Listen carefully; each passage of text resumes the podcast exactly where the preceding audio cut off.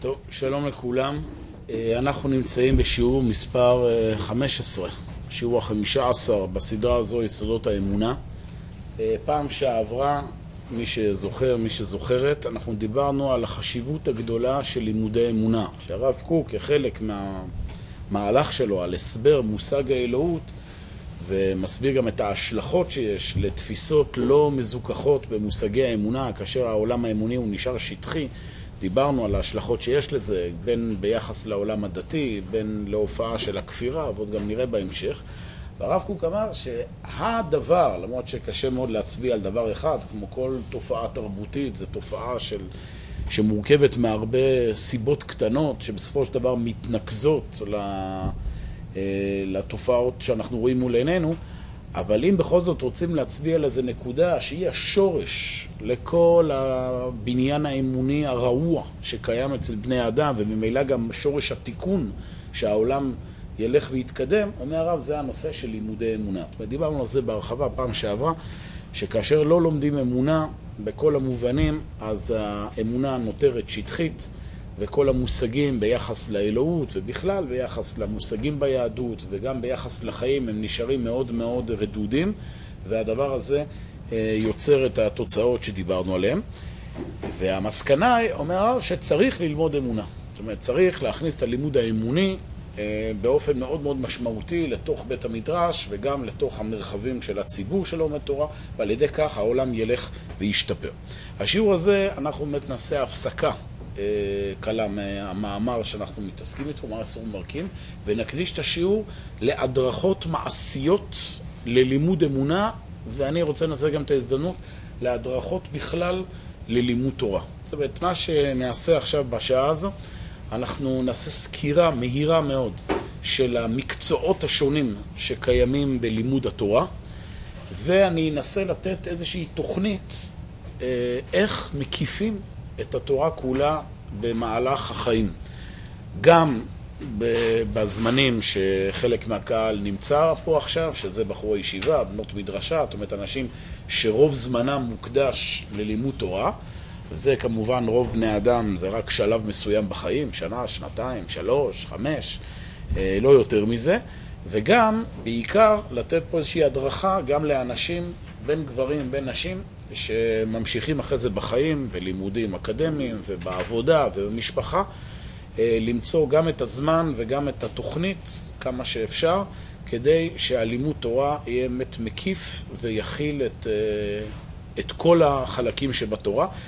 אני מאוד מאמין בדבר הזה, שאפשר להקיף את כל התורה כולה. כמה שהתורה היא נראית כמשהו שהוא ים שאין לו סוף, ואנשים מתייאשים מלכתחילה, ולכן הרבה פעמים אנשים מתייחסים ללימוד תורה כאיזה משהו שמזדמן בשעות הפנאי, ושיש זמן, אז פותחים איזה ספר, שומעים איזה שיעור, אבל לא באמת מתייחסים ברצינות לתוכנית, לא בונים לעצמם תוכנית שיטתית להקפת התורה.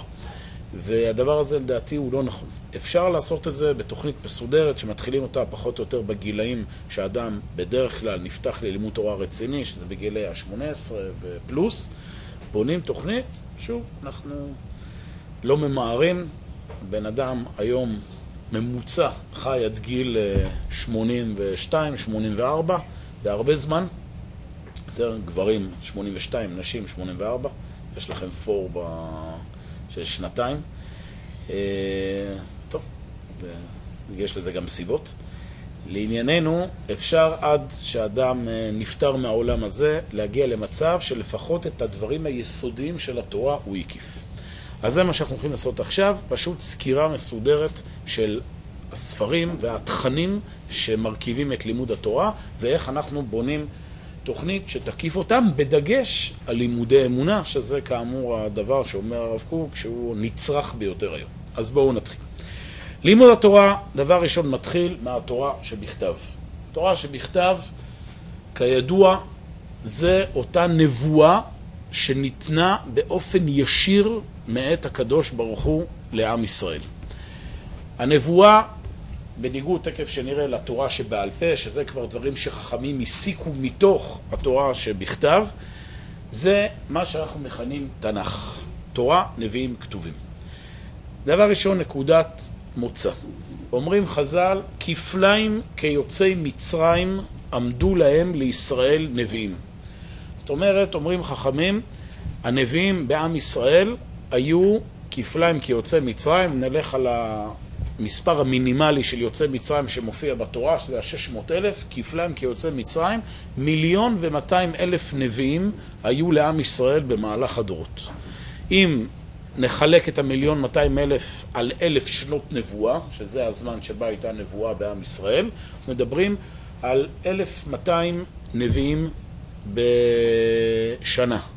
זאת אומרת, נכון? אני לא טועה, 1,200 נביאים אה, בשנה, שזה אומר ביום שלושה נביאים, משהו כזה.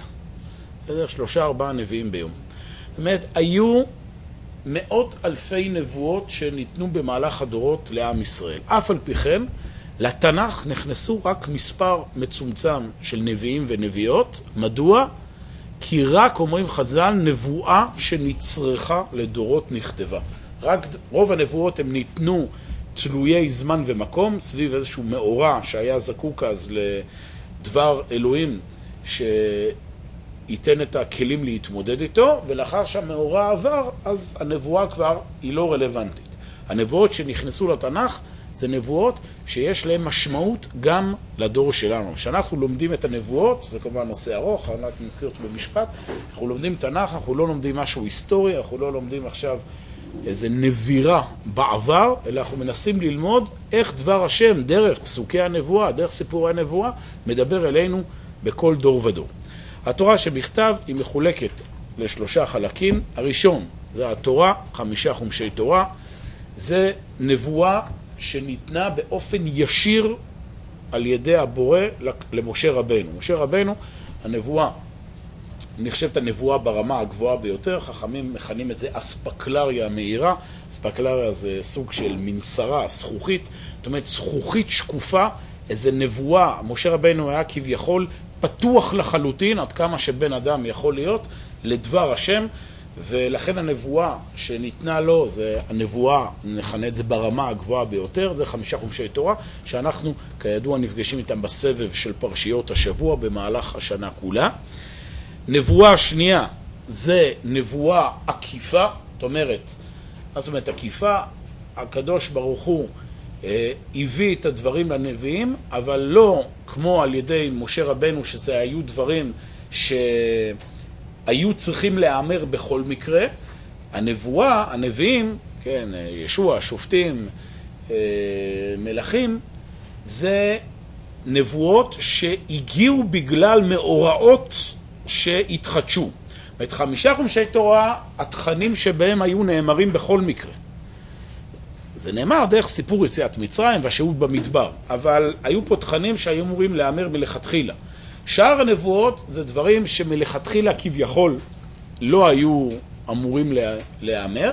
ברגע שקרו מקרים, זה יצר עכשיו נבואה על ידי הנביאים, והם נשארו לדורות. זאת אומרת, יש פה נבואה ברמה קצת פחותה לעומת חמישה חומשי תורה, אבל גם זה חלק מהדברים שנצרכים לדורות. החלק השלישי בתנ"ך זה הכתובים, שזה נבואה, נקרא לזה, ברמה קצת יותר נמוכה. אה, דברים שאומרים חז"ל נאמרו ברוח הקודש, זאת אומרת, איזו דרגה שהיא פחות אה, ישירה מאת הבורא, אבל גם הם חלק מהמכלול הגדול הזה של תורה שבכתב. אני מביא את הדברים הללו, שהם כמובן ידועים, אבל כהבנה שאדם חייב להקיף במהלך חייו, כל יהודי חייב להקיף במהלך חייו את התנ"ך. איך עושים את זה? תכף נדבר. אז חמישה חומשי תורה באופן טבעי אנחנו נפגשים אה, במהלך אה, הקריאה בתורה בשבתות, אבל גם נביאים וגם כתובים, אדם צריך להכיר. זה שיש מצב עגום שאנשים מבוגרים שואלים אותה מה כתוב בספר דניאל או בספר דברי הימים, ומסתבר שהם אף פעם לא פתחו אותם, ומה שהם נשארו בלימוד נביא זה רק איפה שמגיעים בבית ספר, שזה בדרך כלל עד אה, ישעיהו ירמיהו, וגם זה בדרך כלל מתייאשים לפני, זאת אומרת, עד סוף מלכים איכשהו אדם עוד מחזיק ראש, אבל ברגע שהוא נכנס לישעיהו הוא כבר מאבד לחלוטין מה, מי נגד מי, וכל הפסוקים שהם הולכים להיות מעורפלים, ואחרי זה גם לא ממשיכים הלאה ולא לומדים תרי עשר, ומגילות קוראים רק אה, שזה מגילת אסתר, שיש חגים או איכה, אבל שוב, לא עוברים על הדברים באופן שיטתי ומסודר על ידי פרשנים, זה תקלה, זה לא אמור להיות ככה, וגם חלק מה...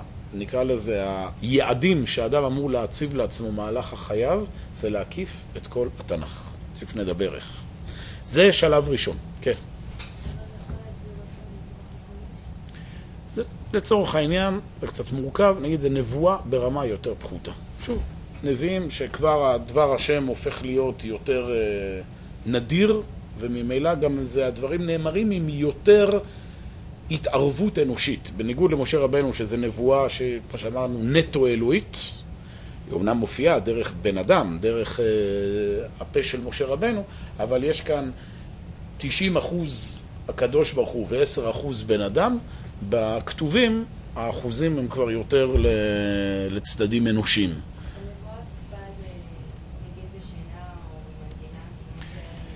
אה, לא, מה שאת... אה, הנבואה העקיפה והישירה. איך זה נאמר, אני לא יודע מה היה ההבדל. זאת אומרת, גם הכתובים על פניו היה להם את ההשראה הנבואית, אה, לא, לא רק בשכל, אלא בחוויה נבואית. אבל כמו שאמרנו, זה היה ברמה פחות עוצמתית מאשר הנבואה, ש... הנבואה נביאים.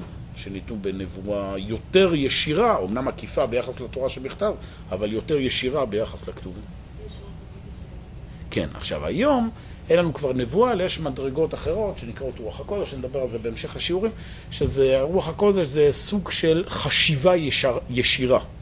זאת אומרת, זה לא משהו שמגיע בהשראה שמימית ישירה, אלא אדם מצליח על ידי לימוד תורה להגיע למצב שהוא יודע באופן לוגי לגעת באמת בכל סוגיה. זה מה שאנחנו מכנים רוח הקודש. יש לפעמים אולי מדרגות היום בחלום, שזה כבר אומר רמב"ם, משהו קצת יותר ממשי, שאדם רואה איזה תמונה בחלום, אבל זה לא דברים שהיום אנחנו מתעסקים איתם. היום הלימוד, אני מדבר על זה בעיקר על ידי לימוד וניתוח שכלי, יש לנו רוח הקודש, נבואות אין לנו היום. בסדר? אז זה שלב א'. השלב השני, והוא העיקרי, זה התורה שבעל פה. שימו לב, ההגדרה של תורה שבעל פה, מפגש של חכמי ישראל במהלך הדורות עם התורה שבכתב. יש לנו את התורה שבכתב, שזה הנבואה שניתנה מאת הבורא בשלוש דרגות, חמישה חומשי תורה, נביאים וכתובים. עכשיו, בכל דור ודור, מאז שפסקה הנבואה, חגי, זכריה ומלאכי, שזה סוף אה, ימי בית ראשון ותחילת בית שני, מימי עזרא הסופר, אנחנו מתחילים דרך חדשה בעבודת השם. עבודת השם שלא על ידי זה שיש נבואה ישירה מאת הבורא, אלא אנחנו מנתחים, חכמי ישראל, מנתחים בשכלנו על ידי 13 כללים, מה שאנחנו מכנים 13 מידות, קל וחומר, גזרה שווה, בניינה וכולי, 13 כללים לוגיים, אם אפשר לקרוא לזה, שאנחנו מתוך התורה שבכתב מבינים מה הקדוש ברוך הוא רוצה מאיתנו בכל שלב. בסדר? זה הלימוד המרכזי שאיתו אנחנו מתעסקים היום. בוודאי, אנחנו, כמו שאמרנו, את התורה שבכתב אנחנו צריכים להכיר, אבל רוב המאמצים הנפשיים והשכליים הם מוקדשים ללימוד התורה שבעל פה, כי התורה שבעל פה היא בעצם איך דבר השם מופיע אצלנו.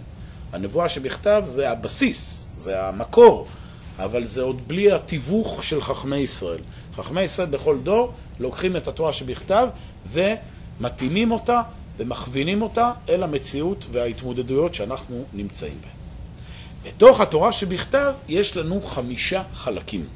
כמובן החלוקה שלנו פה עכשיו זו חלוקה שאני מחלק, אפשר כמובן לנסח את זה בצורה אחרת, אבל זה גם דרך אה, להציג את הדברים. יש לנו חמישה חלקים בתורה שבעל פה. החלק הראשון בתורה שבעל פה, שהוא החלק הבסיסי ביותר, זה הלכה. מה עושים ומה לא עושים. שימו לב, ההלכה זה לימוד התורה הבסיסי ביותר, הליכה מלשון ללכת. עוד לפני שילד או ילדה יהודים מבינים למה הם עושים את הדברים, עוד לפני שיש להם עומקים רעיוניים מחשבתיים שהם עוד יפתחו אותם במהלך השנים, קודם כל הם צריכים לדעת מה לעשות. ילדה יהודיה בגיל 12 וילד יהודי בגיל 13 לא אוכלים בשר וחלב. למה? ככה. זה דרך החינוך. זאת אומרת, אנחנו מתחילים נעשה ונשמע. קודם כל, אדם מתחיל עם העשייה. אדם לא מתחיל, למרות שהצדדים האיכותיים הם כמובן הצדדים המחשבתיים, ואנחנו מדברים, לימוד אמונה וכולי, אבל מבחינת הגידול של הבן אדם, קודם כל מופיעים הצדדים המעשיים והגופניים. גם בטבע זה ככה. תינוק, הוא לא חושב. הוא אוכל, ישן, שותה והולך, גם בלי שהוא מודע למה שהוא עושה. קודם כל נבנים הצדדים הנמוכים, האינסטינקטיביים, הגופניים, ורק בשלב ב' מופיעים הצדדים ההכרתיים. נגזרת מעשית, כל יהודי עד גיל 13, בן וכל יהודייה עד גיל 12, בת, חייבים לדעת את ההלכה הבסיסית. כמובן זה משהו שכל החיים משננים אותו ולומדים אותו, אבל מה לעשות ומה לא לעשות, זה basic. זה basic. אי אפשר ללכת ולהתקדם בעבודת השם וכולי, שאדם לא יודע הלכה. וכמו שאמרתי, אדם לא אומר, לא, עד שאני לא מבין ואני לא מזדהה ואני לא זה, אני לא עושה. לא. קודם כל עושים. זאת אומרת שיש לנו אמון בסיסי כמובן, זה מה שאנחנו עושים בשיעורים האלה, שיש אמון בסיסי קודם כל באלוהים ובאמונה ובתורה ומצוות. אבל אני אומר, ברגע שבן אדם יש את האמון הבסיסי הזה, קודם כל, מה לעשות ומה לא לעשות. מזה זה מתחיל. כן. זה שיטה בחינוך שזה כן. הרעיון ההלכה? זה השיטה בחינוך. ודאי זה לא הרעיון. הרעיון מאחורי ההלכה שהאדם יעשה את זה מתוך הזדהות וחיבור והבנה. אבל אני אומר, הדרך שבה האדם גדל בעולם הזה, זה קודם כל הוא עושה את הצדדים המעשיים ורק אחרי זה מפתח את הצדדים ההכרתיים. בכל דבר בחיים זה ככה. אם תינוק, אם ילד, יתחיל להתנות את האכילה שלו בזה שהוא מבין מה האוכל עושה לבן אדם, הוא ימות ברעב. ילד, קודם כל, תאכל. למה? כי ככה עובד הגוף האנושי, והנה, אתה רואה שככה גם ההורים שלך עושים, וככה אה, כל הדורות כולם, בשביל שתוכל להתקיים אתה צריך לאכול. כשתגדל, תבין מה האוכל עושה בדיוק. יש מסורת של ארבעת אלפים שנה, כן, שזה ההלכה שנהוגה בעם ישראל. קודם כל, עושים. אחרי זה, בואו ננסה להבין כמובן ולהזדהות עם הדברים. איך ההלכה מורכבת? ההלכה מורכבת, כידוע, מהשולחן ערוך. ישנם כמובן ספרים רבים שנכתבו הלכה, אבל הבסיס שהתקבל בעם ישראל, שולחן ערוך, שנכתב על ידי רבי יוסף קארו, בערך כלפני כ-500 שנה, שהשולחן ערוך מחולק לארבעה חלקים. מה הם ארבעת החלקים? שלום, נכון? בת חלקי השולחן ערוך. אבן העזר, שזה עוסק בנושא הקשר בין איש לאישה, כן, עזר כנגדו, כל נושא של הקידושין, גיטין וכולי. חלק שני, זה בסוף נעשה את אורח חיים, חלק יורה דעה, בסדר? שזה עוסק, כן? כשרות, בסדר? בכל הנושא של uh, כשרויות והנושא של uh, שמח, ברוכים הבאים לעולם היהדות, נעים. Uh, זה...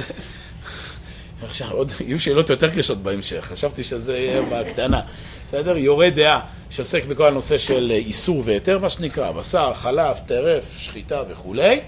חלק שלישי, חושן משפט, בסדר? שעוסק בכל דיני ממונות, בכל הסידור החיים החברתיים, נזקים של אדם וחברו. והחלק החשוב ביותר ליהודי הממוצע, חלק שנקרא אורח חיים. מה עוסק בהנהגת האדם מרגע הקימה שלו עד רגע השינה. שלושת החלקים הראשונים הם כמובן נצרכים ללמוד, אבל הם בעדיפות שנייה. זאת אומרת, מי שבעזרת השם, או מי שתעסוק בהלכה, לעומק, דיינים, אה, יועצות הלכה וכולי, אז גם ישבו עכשיו וילמדו לעומק אבן העזר ויורה דעה וחושן משפט. רובנו, שזה לא יהיה העיסוק שלנו בחיים, אנחנו, אמנם את שלושת החלקים האלה, אנחנו לפחות בשלב הראשון לא צריכים לדעת, מה זה לא צריכים? צריכים, רק שזה כמו שאמרנו בעדיפות שנייה, אבל החלק של אורח חיים זה חובה, מה שאמרתי. לא ייתכן שיהודי וידיעה לא יודע מה הוא צריך לעשות אה, במהלך היום-יום או במהלך השבת. זה שוב דבר אבסורדי, שאנשים מבוגרים ייצר מצב שהם לא עברו פעם אחת, על, לפחות על שולחן ערוך, או כמו שיש היום, קיצור שולחן ערוך. יש ספרי קיצור, שאומנם להקיף את כל השולחן ערוך זה אפילו חלק אורח חיים, זה, זה וואחד עבודה, אז זה לא, אבל קיצור שולחן ערוך, ויש היום דברים כאלה, אדם מדגיש לו, זה אמור לעבור עליו פעם אחת. מי שלא עשה את זה, מסיבות אלה ואחרות, אז בבקשה, עושים את זה עכשיו. תכף נדבר על הזמן, איך עושים את זה, אבל משקיעים זמן ביום, להגיע למצב שאדם באופן שיטתי כל חייו יודע מה לעשות ומה לא לעשות. אם לא, אדם מסוגל לעבור עבירות מדאורייתא כל יום ובטח כל שבת. ככה כותב החפץ חיים, רבי ישראל הכהן מרדין, שהוא כתב משנה ברורה, שזה פירוש לחלק אורח חיים של השולחן ערוך. אז הוא כותב בהקדמה לחלק שעוסק בהלכות שבת באורח חיים, הוא אומר שיהודי שלא לומד הלכות שבת, לא תעבור שבת בלי שהוא, לא עלינו יעבור על איסור דאורייתא, בלי שהוא שם לב.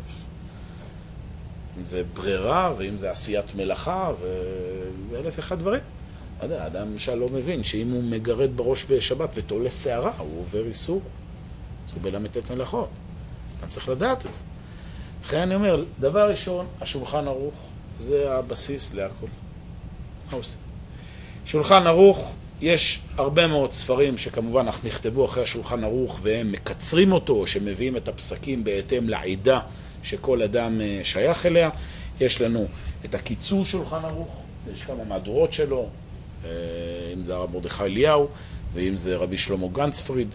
אה, קיצור, ועוד מהדורות אלה ואחרות, שזה בתמצית החלק אורח חיים. יש בן איש חי, בסדר?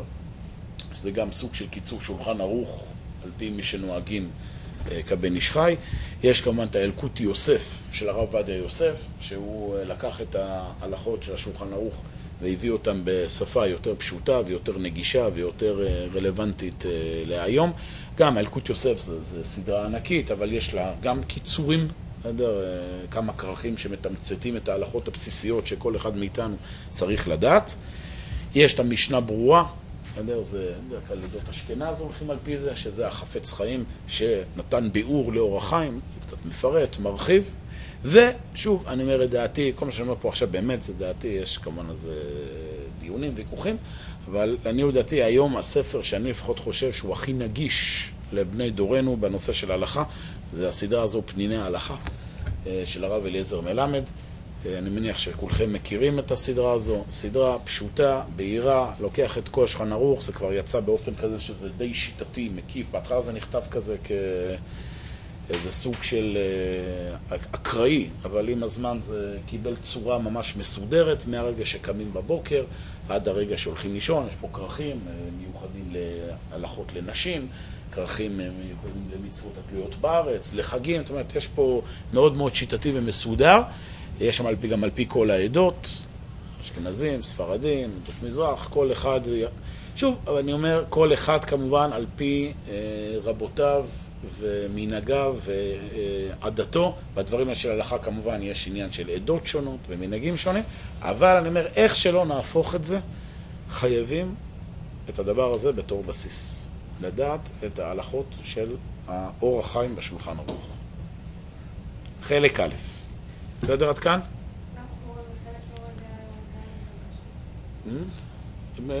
דעה, כאילו, יש פה להורות איך לדעת את ההלכות בתחום הזה. בסדר? אמ, הלאה.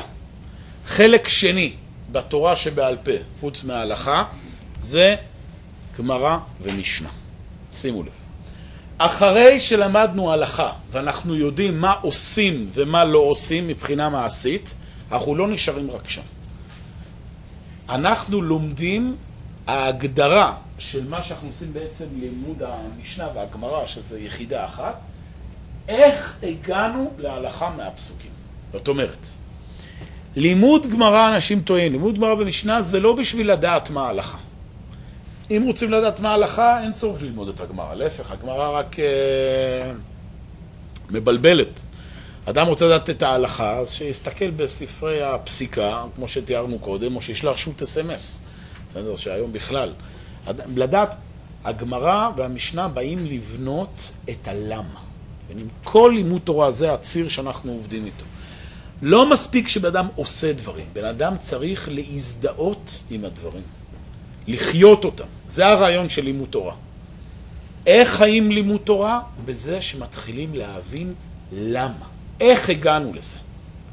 יש לנו הלכה שצריך להפריד בין בשר בחלב. כמו שאמרנו, זה מתחיל מזה.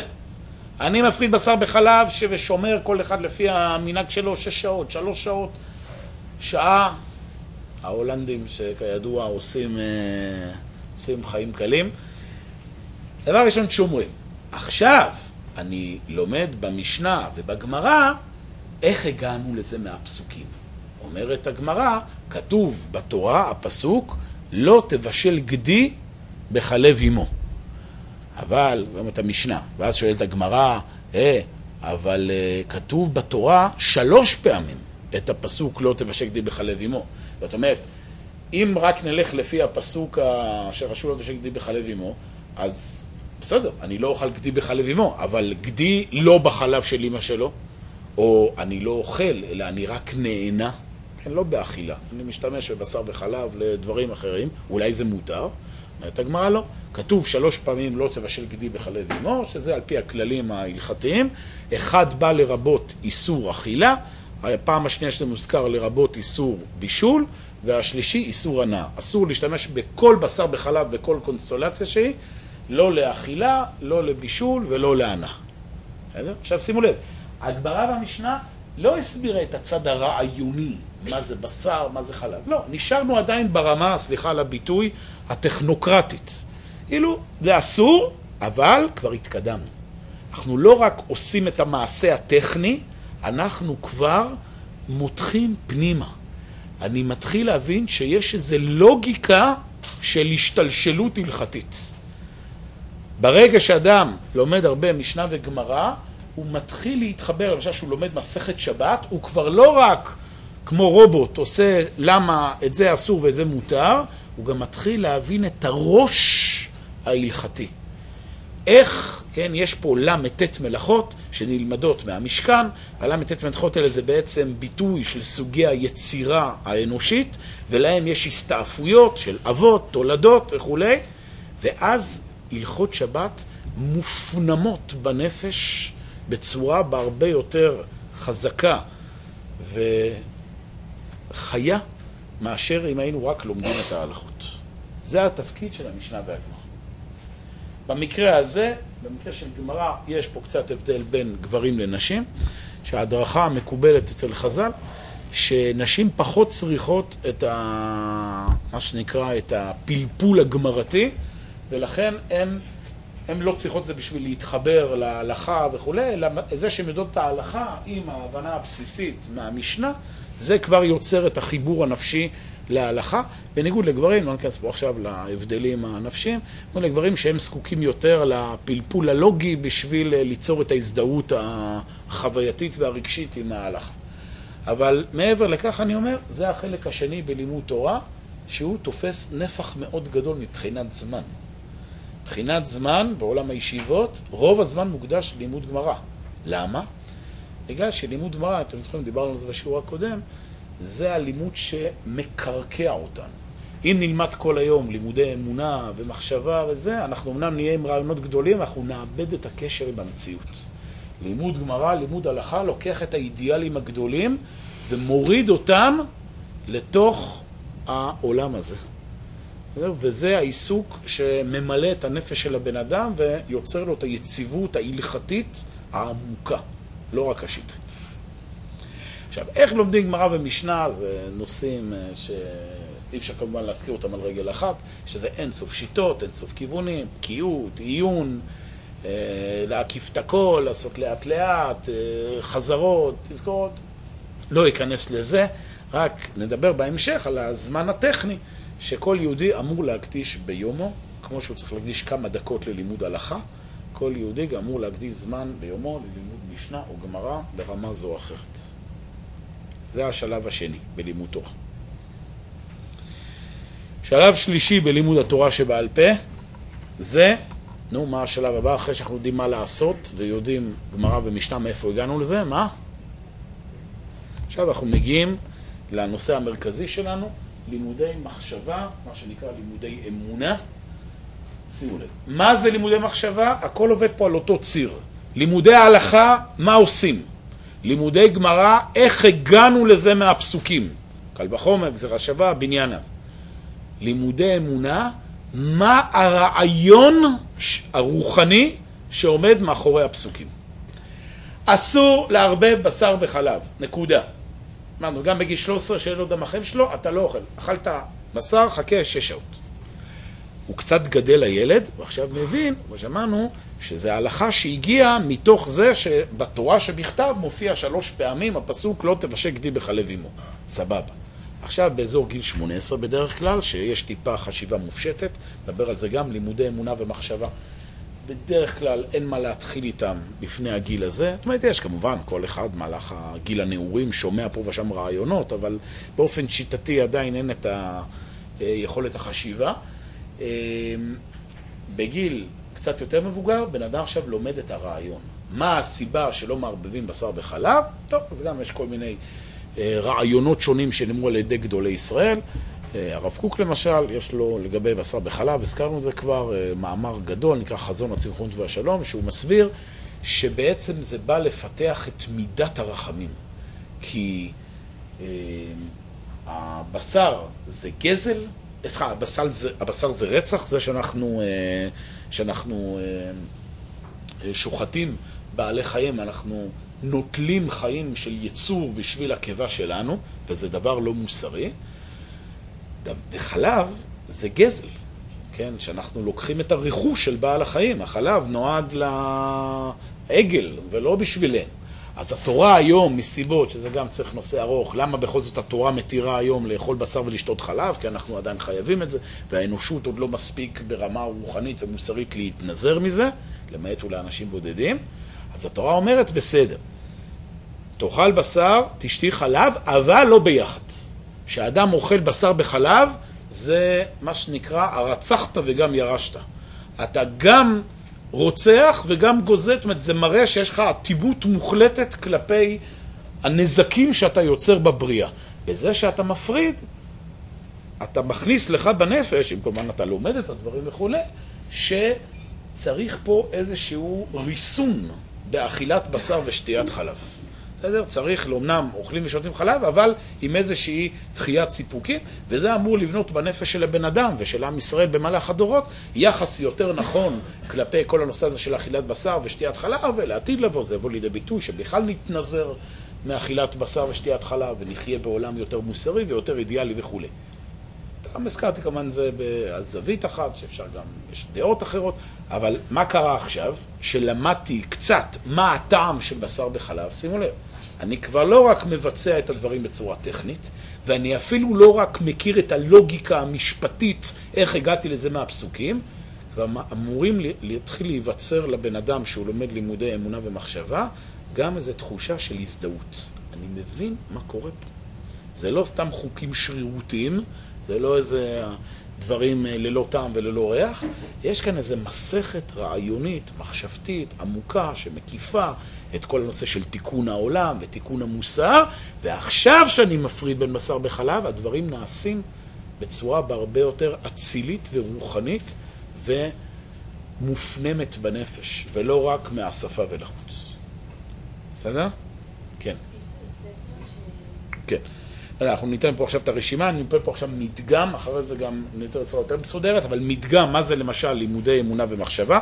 הספר הקלאסי ביותר, ספר הכוזרי של רבי יהודה הלוי, שמביא את עיקרי האמונה של תורת ישראל.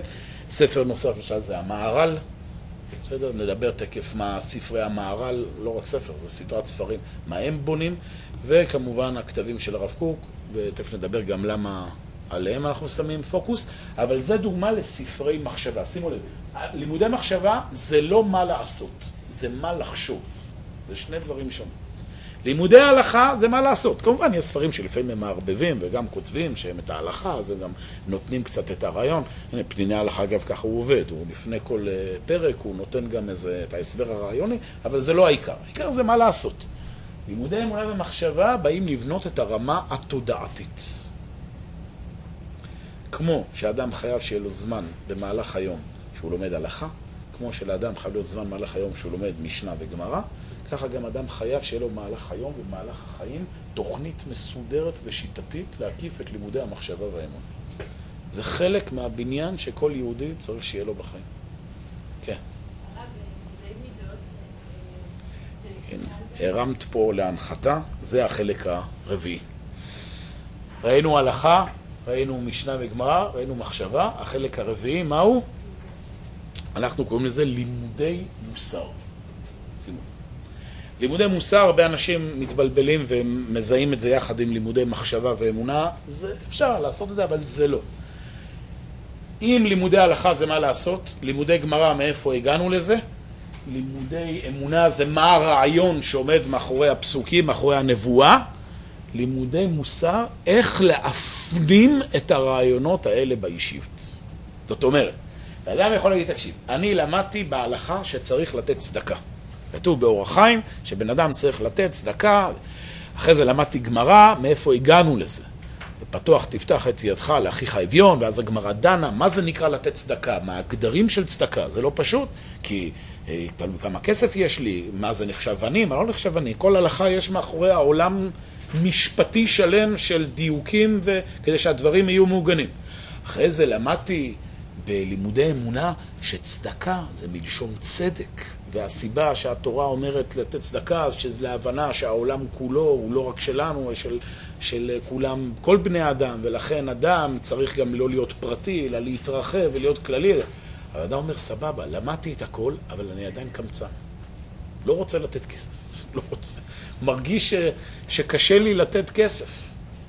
כאן מגיעים לימודי מוסר. לימודי המוסר באים ללמד אותך או אותך איך להפנים את זה ברמה הרגשית, שגם תרצי, גם תרצה לתת צדקה. בסדר? זה תחום אחר בנפש. לימודי מחשבה באים לבנות את התודעה הרוחנית, והרבה פעמים באמת קורה, כולנו יודעים את זה, שאנחנו לומדים הלכה, לומדים גמרא, ואפילו לומדים אמונה. ואנחנו כבר יודעים, יש לנו איזה הסבר על למה לכעוס זה לא טוב. אבל ברגע שמישהו מעצבן אותנו,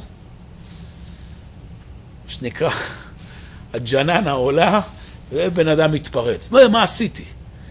כי היה חסר לו עוד רובד. איך להפנים באישיות. מוסר, אומרים חז"ל, מלשון המילה מוסרות. מוסרות, בעבר, שהיו חורשים עם אה, שורים או חמורים, היו שמים לשור, בזמן שהיה הולך לחרוש, שתי מקלות, סליחה, שני מקלות, שהיו אה, אה, משני צידי הראש שלו, כן, שנועדו לכוון אותו לתוך התלם, בסדר? זה נקרא מוסרות. כלומר, מוסרות זה מה שלוקח את הרעיון הגדול ומוריד אותו לתוך הנפש. לאיזה דרך בן אדם ילך. יש כאלה גם דורשים מוסר מלשון המילה ייסורים. זאת אומרת שאם בן אדם לא הולך על פי המוסר, אז הוא מקבל ייסורים, הוא מקבל מכות מה... מהמציאות, מקבל מכות מהקדוש ברוך הוא. אבל הרעיון הכללי של לימודי מוסר זה איך לקחת רעיונות ולהכניס אותם עם הזדהות רגשית בנפש שלי, שזה יהפוך להיות חלק מהרצון. הדוגמה שהבאנו לגבי אה, בשר בחלב במקרה הזה, אני לא יודע בדיוק אם זה התמודדות, לא חושב שיש למישהו אה, איזה בעיה רגשית להפריד בין בשר בחלב, אבל כמו שאמרתי, דברים אחרים, צדקה, נזיקים בין אדם לחברו, לשון הרע, עוד פעם, לומדים לשון הרע. לשון הרע, אסור לדבר לשון הרע. למדנו עכשיו חפץ חיים שמירת הלשון, שמה זה נקרא לשון הרע ואסור לרחל. טוב, למדנו אחרי זה בגמרא ובמשנה איך הגענו לזה. אחרי זה למדנו גם את הסיבה של לשון הרע, זה פוגם בכוח הדיבור של הבן אדם וזה טוב, אבל עדיין אדם מרגיש שהוא מדבר לשון הרע והוא לא שולט בזה. פה מגיעים לימודי מוסר, איך לשלוט על הדיבור. זאת אומרת, לימודי מוסר הם באיזשהו מקום על גבול הפסיכולוגיה. הם כבר משהו שיותר שייך לפרקטיקה של הנפש. וגם פה, צריך לדעת, יש ספרי מוסר שהם על גבול ממש העצות הפסיכולוגיות. ממש ברמה שלהבדיל אתה מוצא לפעמים רעיונות כאלה גם בספרי אה, אומות העולם, זאת אומרת, גם לא בספרי קודש דווקא. כן, איך לשלוט על עצמך, איך לא לפחד, איך לא לדאוג. אבל כמובן, המטרה היא לא רק בצדדים האנושיים, אלא גם בצדדים הרוחניים, התורניים. למשל, כמו שאמרתי, להגיע למצב שאני מזדהה עם הלכות שבת, ולא רק עם דברים שבין אדם לחברו. דוגמה לספרי מוסר, ספר מוסר הקלאסי ביותר, קצת מטושטש, אתם רואים, זה שמונה פרקים לרמב"ם. נזכיר אותו בהמשך ברשימה באופן יותר מסודר, אבל הוא דוגמה לספר מוסר בסיסי ביותר, שמסביר את נפש האדם, ונותן לבן אדם כלים איך להכניס את הדברים לתוך הנפש. אה, מסילת ישרים כמובן, של הרמח"ל, וזה ספר למשל שיצא בדורות שלנו, תיקון המידות, של הרב דוד אביחי. לימודי מוסר אגב, אולי יותר משאר הלימודים, יש, נקרא לזה, יותר מקום לספרים שהם אה, נכתבו בדור שלנו. כי עוד פעם, לימודי מוסר, הרעיון זה להפנים את זה בכלים הנפשיים. וכלים נפשיים, הרבה פעמים כלים נפשיים שכתבו גדולי ישראל לפני 500-600 שנה, הם כמובן עקרונות נכונים, אבל הם לא כל כך שייכים אל העולם המושגים הנפשי שלנו היום. ולכן, אה, הרבה פעמים צריך להיות פה פתוחים ולהשתמש בכלים שמתחדשים ולא להיות מקובעים רק על איזה ספרים שנכתבו לפני אלף שנה ו- ורק מהם אני לומד. לא, יש דברים שהשתנו. אה, למשל, כל הנושא הזה של מערכות יחסים נפשיות ורגשיות בין גברים לנשים. הלכות קידושין זה הלכה. איך מסדרים קידושין בעם ישראל ברור. מבחינה גמרא גם ללמוד איך לומדים את זה מהפסוקים וכולי. לימודי מחשבה גם מסבירים את מה זה הנפש הגברית, מה זה הנפש הנשית ואיך האיש והאישה משלימים אחד את השני וזה יצירת העולם ובריאה חדשה וכולי. אבל העולם הרגשי של הגברים והנשים כיום הוא שונה מעולם הרגשי של הגברים והנשים לפני אלפיים שנה. איך תורת ישראל עכשיו מופיעה ואני יכול עכשיו להרגיש בקשר הנישואים שלי אהבה ושמחה, כאן לימודי המוסר, המידות, זה מאוד מאוד רלוונטי. אי אפשר להסתפק רק בללמוד מסכת קידושין. מי שהוא גאון והוא מלא קדושה, הוא יכול גם מתוך מסכת קידושין להבין את הכל. אבל רובנו זקוקים לתיווך, זקוקים גם לספרים שנכתבים על ידי חכמי דורנו, חכמות דורנו, אנשים שככה נמצאים במציאות התרבותית שלנו ויכולים לקחת את העקרונות וההלכות שנאמרו במסכת קידושין ובשולחן ערוך באבן העזר ולהתאים את זה לעולם הרגשי שאנחנו נמצאים בו היום. בסדר? לימודי מוסר. החלק האחרון בלימודי התורה שבעל פה זה, נו, מה נשאר לנו? לימודי קבלה. תורת הנסתר. בסדר? מה זה תורת הנסתר? לימודי קבלה. אחרי שבן אדם יודע מה עושים ומה לא עושים, אחרי שבן אדם כבר התחבר לזה מבחינה רגשית, על זה שהוא מבין את הלוגיקה שהביאה אותנו להלכות האלה, ומבין את העולם הרעיוני המחשבתי שעומד מאחורי זה, והפנים את זה בתוך החיים שלו. עכשיו לימודי הנסתר, מה העיקרון המופשט המסתתר מאחורי ההלכה. כלומר, וזה כדוגמה שנמחיש. אמרנו, בשר בחלב צריך להפריד, נקודה. למה לא תבשל גדי בחלב אמו שלוש פעמים? למה, מה הרעיון שעומד מאחורי זה? כי זה צריך לחנך את האדם למוסריות, שלא אה, לא להשתמש בטבע, ש... שלא לצורך וכולי. מבחינה מוסרית, אמרנו שוב, אדם הפנים את זה, ולכן הוא עכשיו באמת אה, שומר על ההלכות האלה. עכשיו, לימודי הנסתר אומרים לו, יש פה משהו עמוק יותר. תדע לך, שבשר זה מידת הדין. בשר זה משהו שמבטא בעולם את הצדדים העזים, כן, דם, חייתיות. חלב זה מידת הרחמים. זה משהו רך, עדין. לא להרבה בשר בחלב זה בעצם ביטוי לכך שאסור לטשטש את העקרונות שהקדוש ברוך הוא ברא את העולם. העולם נברא באופן מסוים שיש מקום גם לצדדים החייתיים, העוצמתיים, הפראיים, ויש מקום גם לצדדים הרכים, העדינים. אל תערבב בין הדברים. מה אני עושה עם הידע הזה? אין לי מה לעשות איתו מבחינה מעשית. זה מושגים של קודים, ולכן לימודי קבלה הם בסוף הדרך. הם באים לתת את הטעם העמוק שעומד מאחורי הכל. אבל לא מתחילים איתם. לימודי אמונה הם בעצם סוג של תרגום של לימודי קבלה לשפה קצת יותר אה, שקשורה אלינו. אבל לימודי קבלה הם באים לתת את העקרונות הרוחניים שעליהם העולם עומד.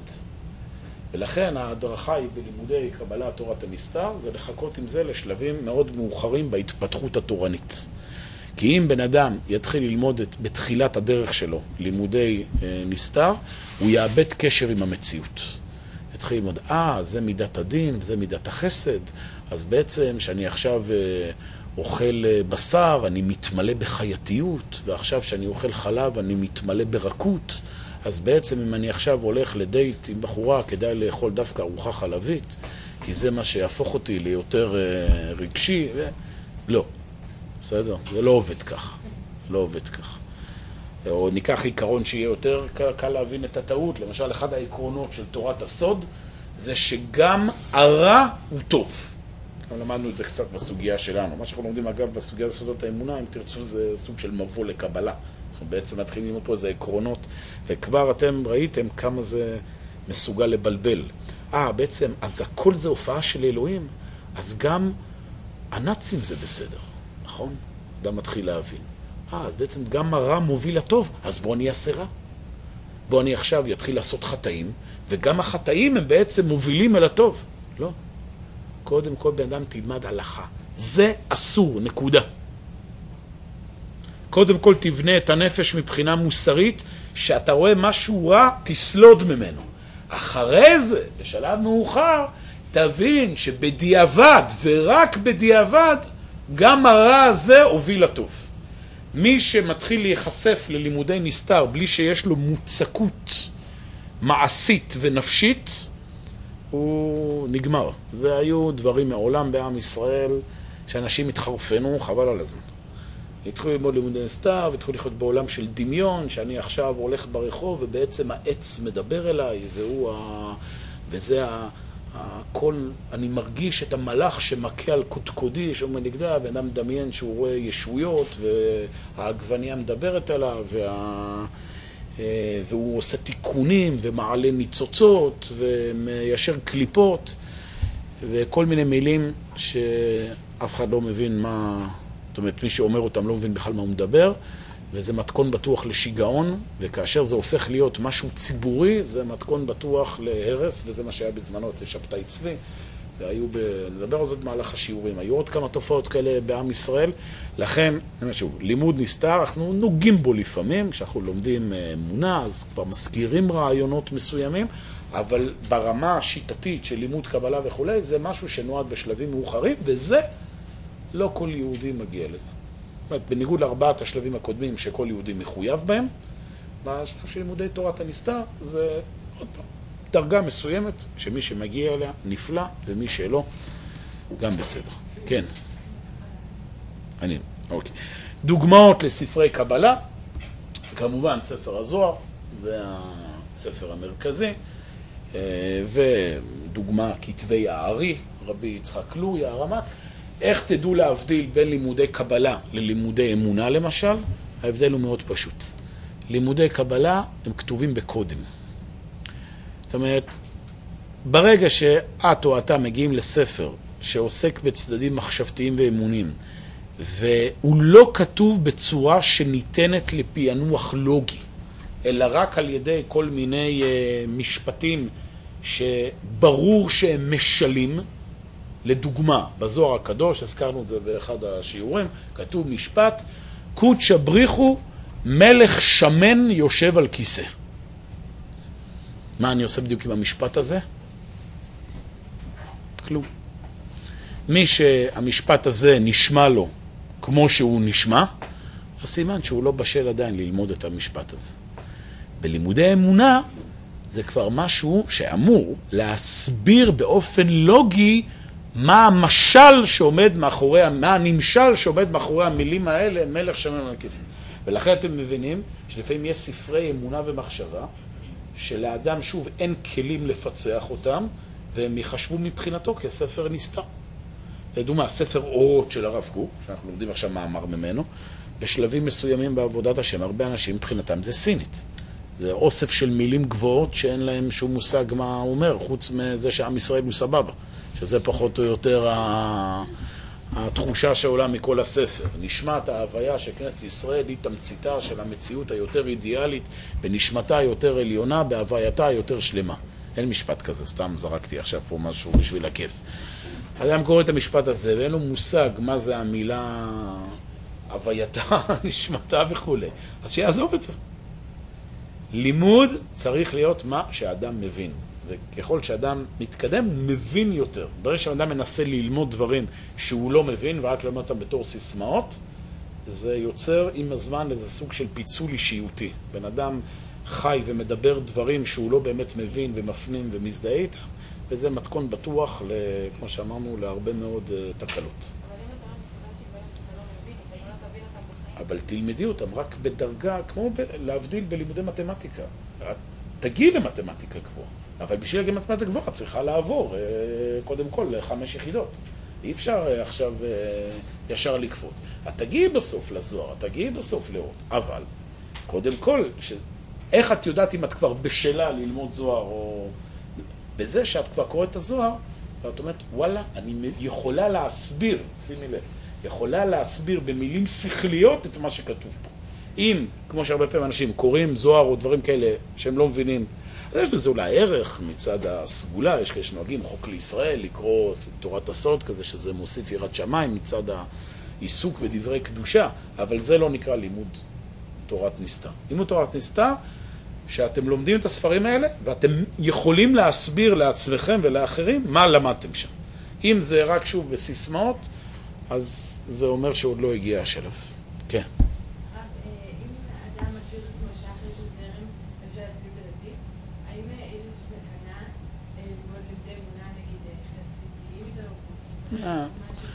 לא, לא, אני לא, לא, את שואלת שאלה אחרת עכשיו, לגבי זרמים ביהדות, אנחנו גם נדבר על זה במשך השיעורים, איך אבל לא, זה בהקשר הזה, זה לא... אה, אז אני עוד תכף אסביר למה, אבל אני רק אומר, זה לא עכשיו בגלל שהוא ציוני, לא זה הנקודה. לא, לא זה המדד שלנו, מה ללמוד ומה לא ללמוד.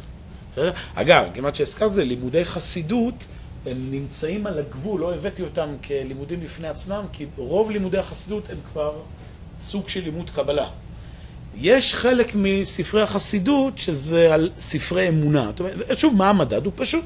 אתם מבינים או לא מבינים. למשל, ספר כמו אה, נתיבות עולם, כן? מניח שחלקכם יצא לכם ללמוד את זה, אני חושב שזה על לימוד אמונה. זאת אומרת, זה ספר שניתן בצורה שכלית להבין בלוגיקה מה הוא רוצה ולהפנים. ספר כמו טניה, לרובנו זה תורת נסתר.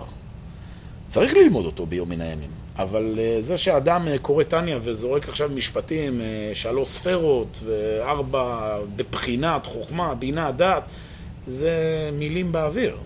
מה, מה זה חוכמה, מה זה בינה, מה זה דעת? תסביר. אם אתה יכול להסביר ולהבין, סבבה. אז זה כבר לא לימודי נסתר, זה לימודי אמונה ומחשב. לכן אני אומר, בחסידות זה, זה מעורבב. יש אה, דברים ששייכים יותר לתחום הנסתר, ויש דברים ששייכים לתחום המחשבה והאמונה. בסדר. כל אחד וכל אחת שיבדקו, כשהם פותחים ספר, האם הם מבינים או לא מבינים. כן. שנייה אחת, זה שם שם. כן.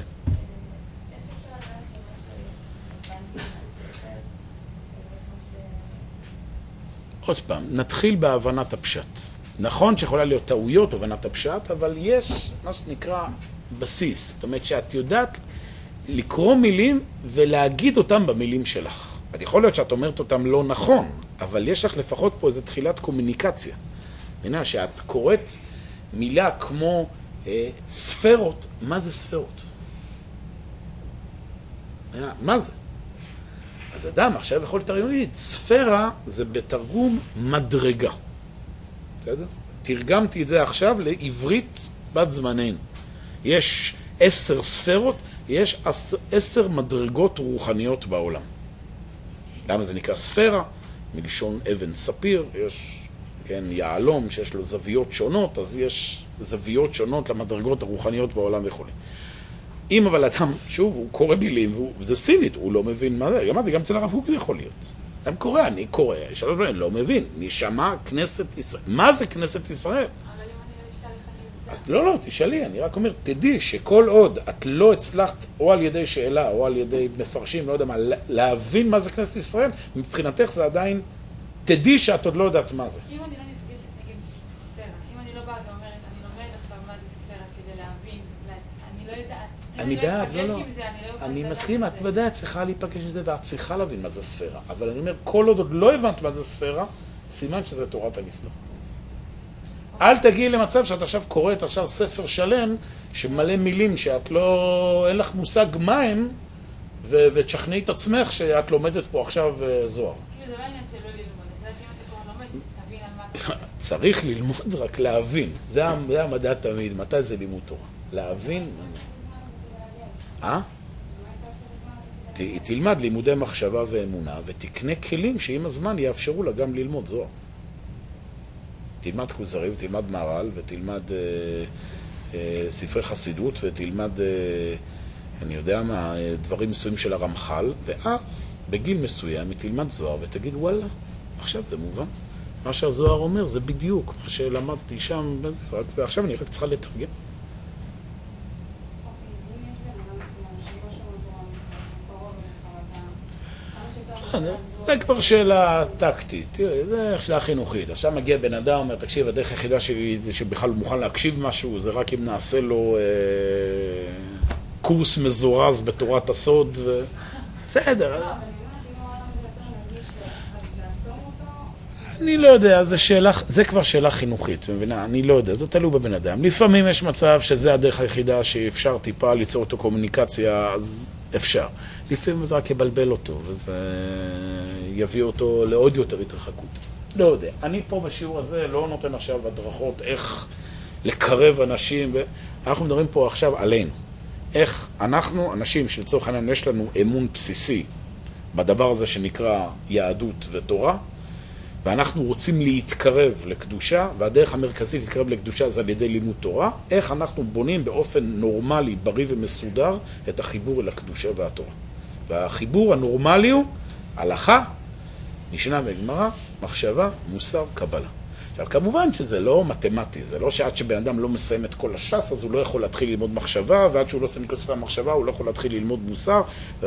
ברור שיש גם דברים שבאים אה, במקביל. רובנו גם, שרק בגיל 18 אנחנו מתחילים את ההתפתחות הרוחנית שלנו, מסיבות אלו ואחרות, אז אנחנו צריכים הרבה פעמים להתקדם תוך כדי תנועה. זאת אומרת, אנחנו לא יכולים עכשיו, טוב, אני עכשיו עשר שנים עד שאני לא מקיף את כל השולחן ערוך, אני לא פותח כוזרי. זה אי אפשר, בן אדם, איך אומרים, אז, איך אומרים, עושים תוך כדי כמה דברים, אבל מבחינה עקרונית זה הסדר.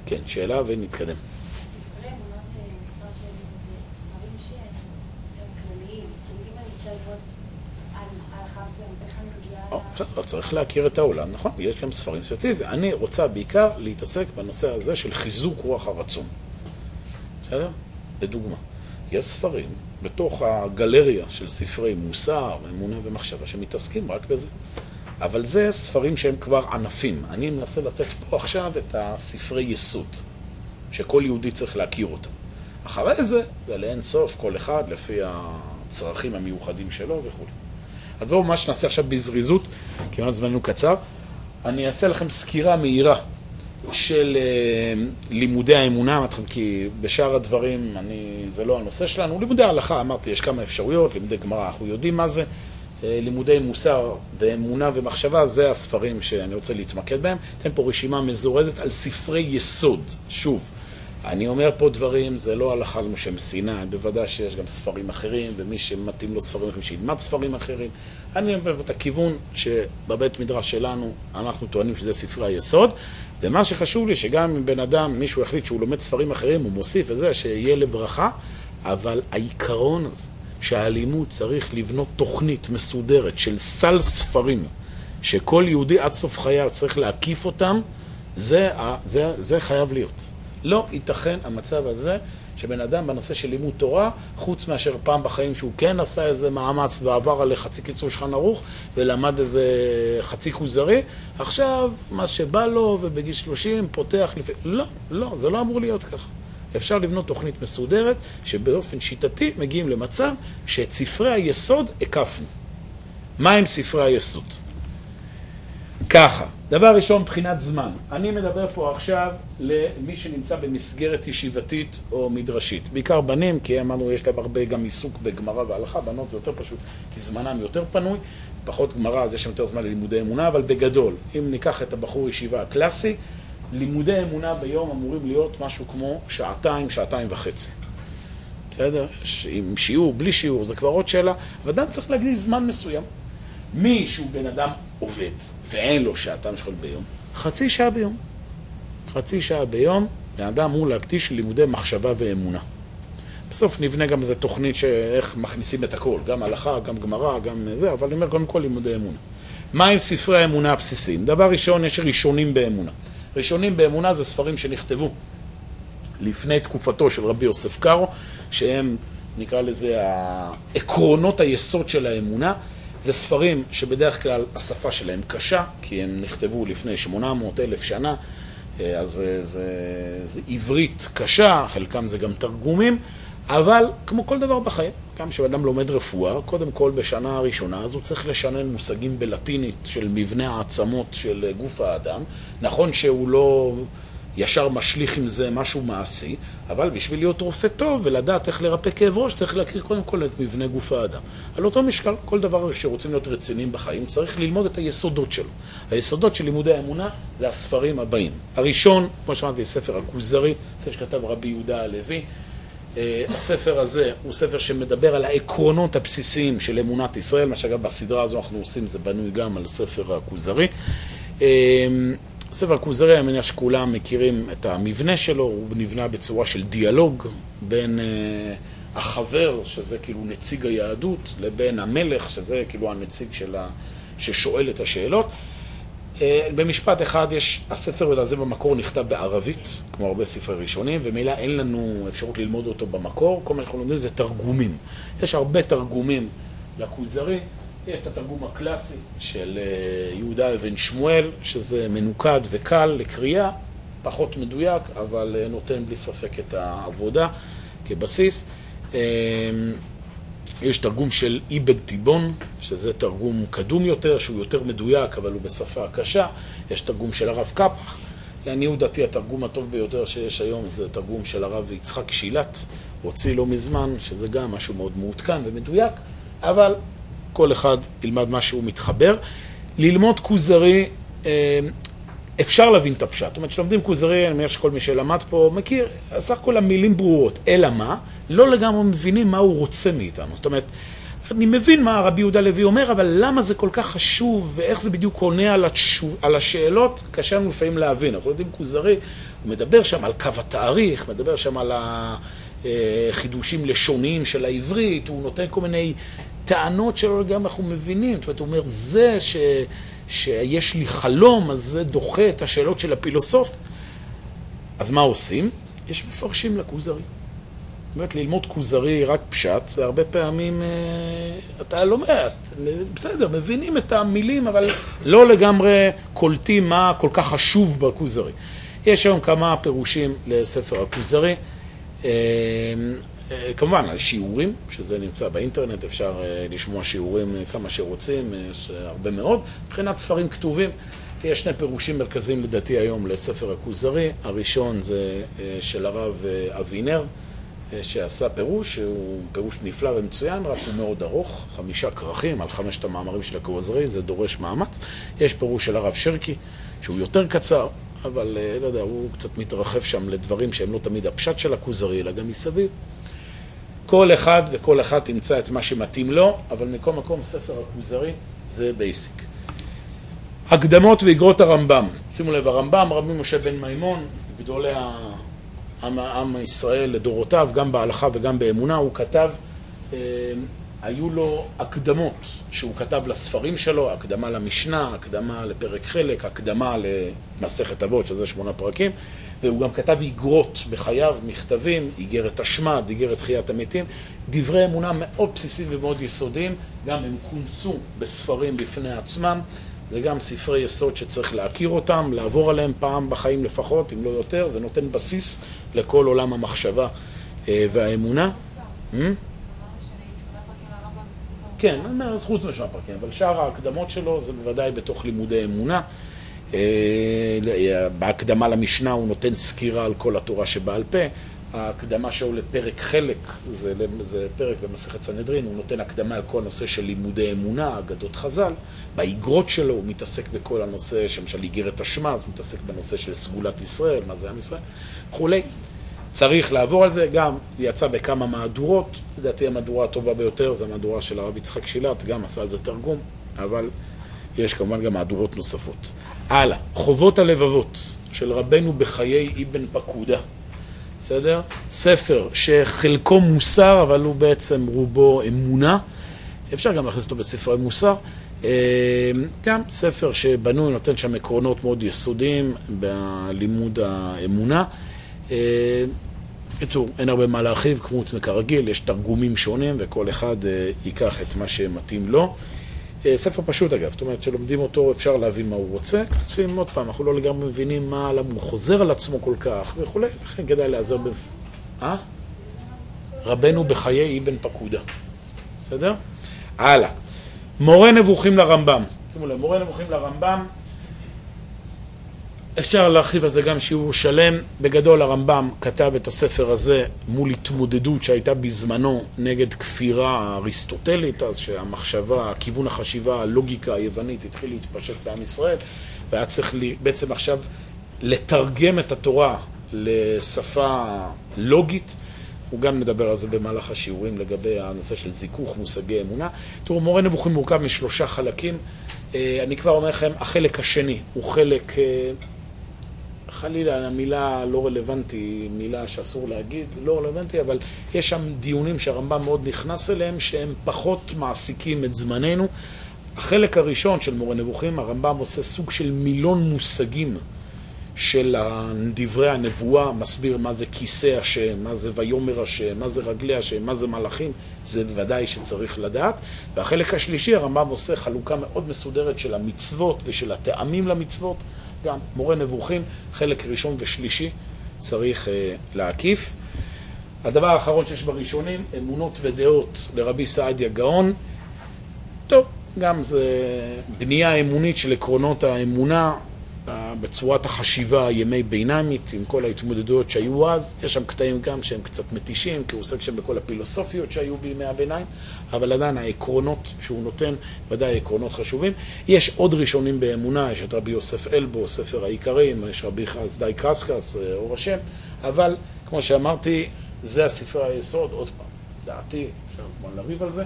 כוזרי, הקדמות הרמב"ם חובת הלבבות, שלושה ספרים, יהודי צריך להכיר אותם, ואפשר להקיף אותם בחצי שעה ביום, במהלך החיים אפשר להקיף אותם.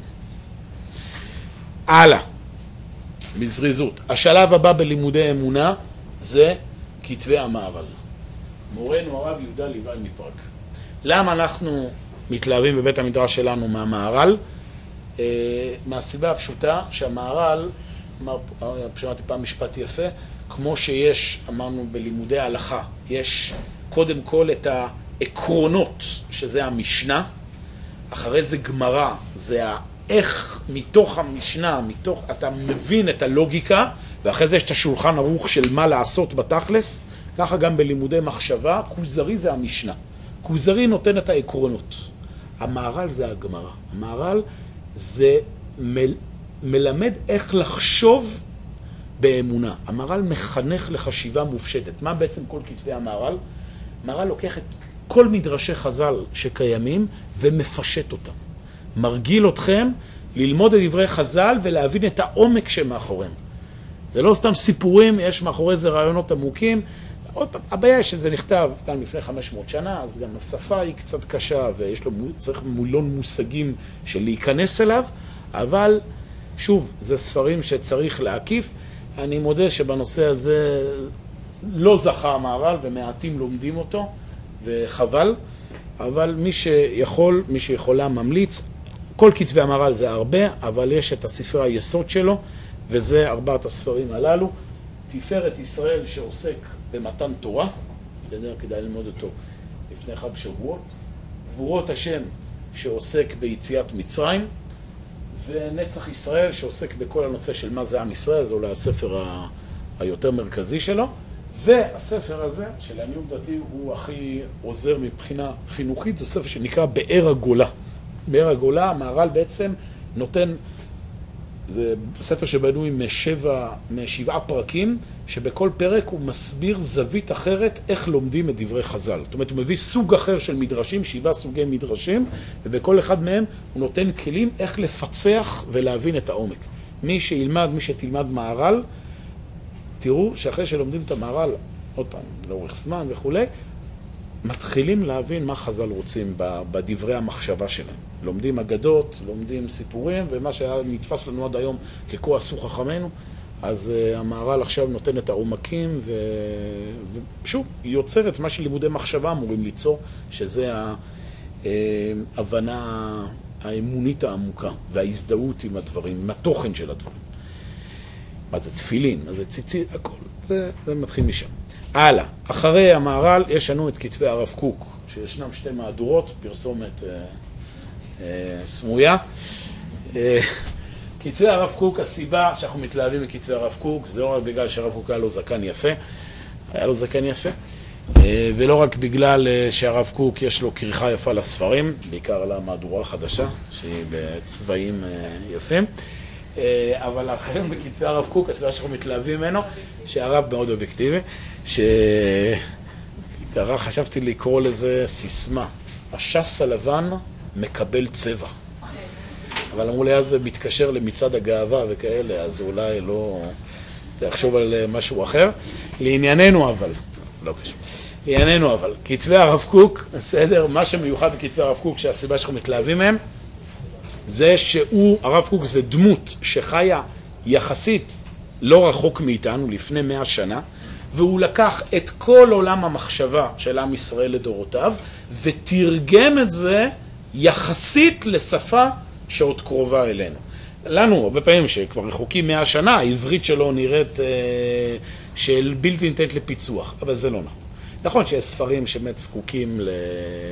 עוד פעם, תיווך, אי אפשר, ספר אורות, אורות הקודש, קשה להבין את זה בלי, אה, בלי ליווי, אבל ספרים בסיסיים יותר, עניה, אה, אורות התורה, איגרות אריה, זה ספרים שנכתבו בשפה שכלית שלפני מאה שנה, ואפשר בניתוח הגיוני להבין מה הוא אומר, והוא בעצם לוקח שוב את כל הרעיונות שבכוזרי ובמהר"ל וברמב"ם ובמורה נבוכי, ואת הכל הוא מתרגם גם מבחינה מילולית וגם מבחינת המציאות התרבותית שאנחנו חיים בה, שעם ישראל חוזר לארצו, על כל המשמעויות שיש לזה, העולם המודרני, כן? ומתרגם את היהדות לאדם שחי בתקופה המודרנית. זו הסיבה שאנחנו משתמשים הרבה בכתבי הרב קוק. עכשיו אני אומר שוב, יש עוד כתבים ויש עוד חכמים שכתבו. הרב קוק הוא פשוט עשה איזה משנה שקשה למצוא כמוה. זאת אומרת, היו, הרב סלובצ'י כתב דברים נפלאים, והרש"ר הירש כתב דברים נפלאים, והרבי מחב"ד כתב דברים נפלאים, זה נכון, וודאי שאת הכל צריך ללמוד, אבל שוב, אומרת דעתי הקטנה, הרב קוק, יש לו משנה שיטתית ומקיפה שקשה למצוא אותה. קשה למצוא אותה במקומות אחרים, ולכן אני חושב שבספרי היסוד, בעמוד השדרה שלנו, הוא השולחן ערוך. זאת אומרת, הוא הזה שבסופו של דבר, איתו אנחנו, אוקיי, מה בתכלס אני מבין מכל הכוזרי והכל, מה זה אומר לי עכשיו ביחס לשאלה מה אני חושב ביחס ל... לא יודע, ל... ל... לארץ ישראל, מה אני חושב ביחס למעמד האישה, מה אני חושב ביחס לקניינים, מה אני חושב ביחס לדיני המשפט העברי.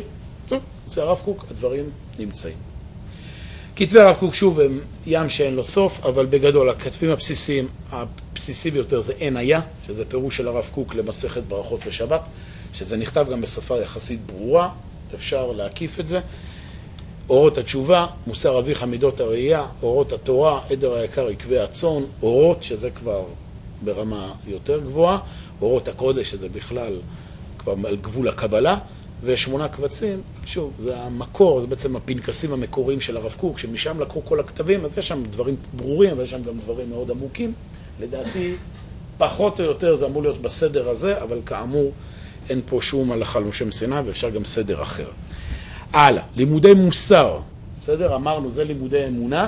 עכשיו, הספקתם לכתוב? תסתכלו אחרי זה באינטרנט, אפשר אה, להקפיא את הזה. אני חוזר in, אוקיי? בסדר, הלאה.